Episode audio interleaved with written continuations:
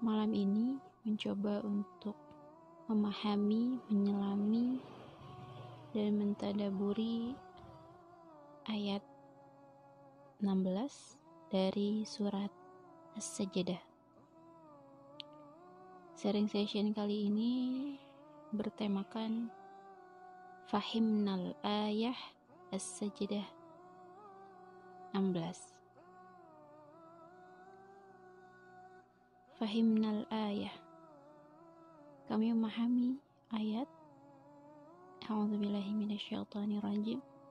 Tatajafa junubuhum anil madaji'i yad'una rabbahum khawfan wa tama'a wa mimma razaqnahum yunfiqun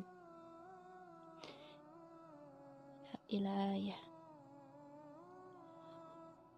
yang artinya lambung mereka jauh dari tempat tidurnya dan mereka selalu berdoa kepada Robnya dengan penuh rasa takut dan harap serta mereka menafkahkan apa-apa rezeki yang telah kami berikan. Jadi ini tuh favorite finding di surat ini setelah kemarin mencoba untuk mengikuti program ngafal ngefil yaitu program menghafal dan juga mentadaburi apa yang terkandung di dalam surat. Dan untuk pertama kalinya aku mengikuti program itu dan hampir di sesi akhir itu ada kita namanya focus group discussion gitu jadi masing-masing kita pesertanya mencari mana sih favorit findingnya di surat ini gitu. Dan inilah favorit finding aku di ayat 16 as-sajdah sangat tertarik kenapa? Karena pertama kata di tata Java itu ternyata dari kata jafu yang artinya adalah dia tidak beristirahat di suatu tempat. Kata tata Java itu artinya ya ganti posisi nggak suka nggak betah cemas khawatir.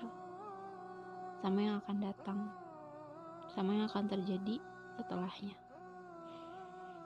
Sama sesuatu yang kita belum tahu kebenarannya itu akan seperti apa sih kita di kehidupan atau di esok hari kayak gitu.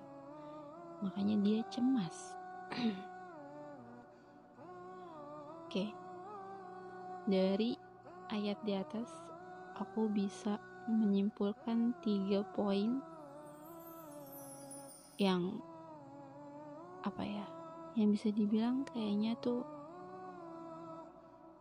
hmm, sangat sangat bisa dijadikan tempaan diri, memotivasi diri agar lebih ingat, yakin, berusaha sama yang namanya kehidupan akhirat kelak.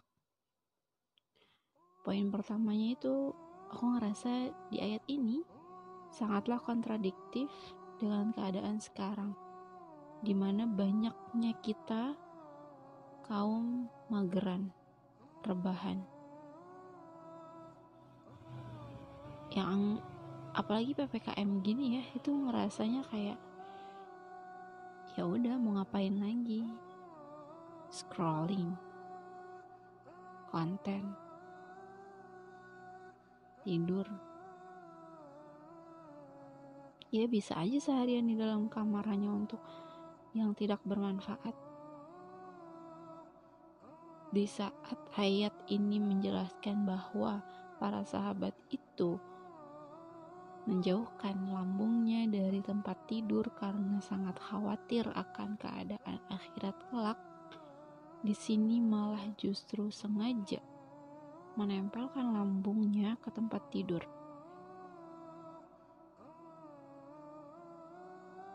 Bagaimana bisa? Bagaimana bisa? Kok kita bisa tenang-tenang aja? Padahal kita tidak tahu nanti itu di akhirat kita seperti apa. Memang benar sih, para sahabat itu the high standard of iman yang mereka sudah punya. terus apakah para sahabat itu high standard of iman? Terus kita jadi lower standard of iman karena perbedaan jarak zaman yang cukup jauh? Enggak kan? Kita tetap bisa menyamai mengikuti apa yang para sahabat itu lakukan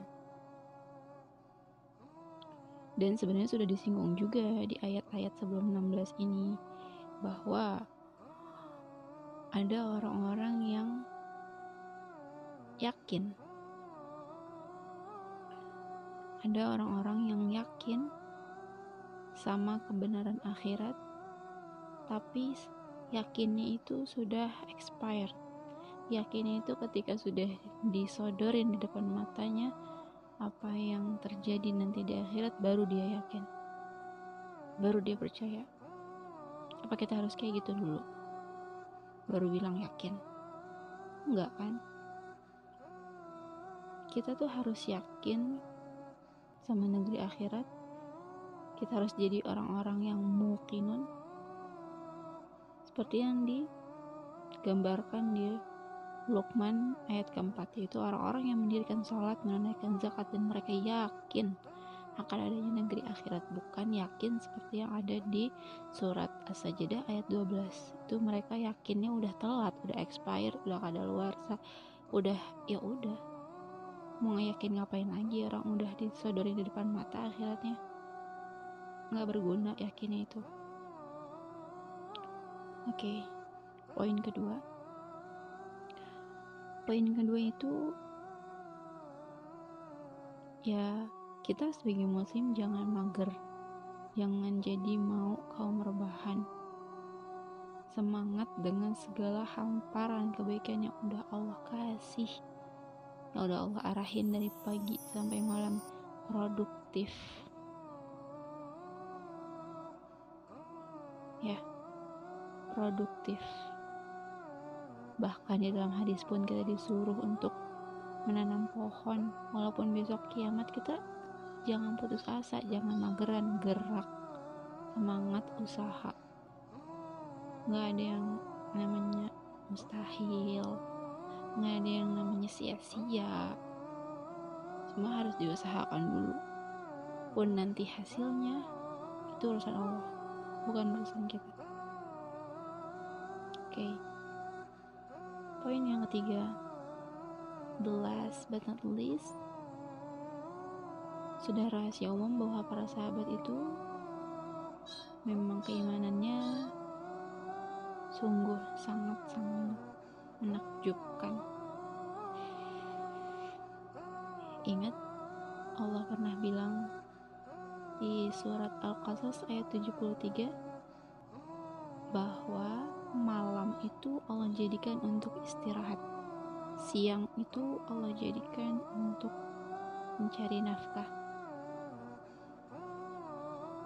Udah bilang nih Allah malam itu boleh untuk istirahat. Tapi para sahabat ini tidak mau istirahat.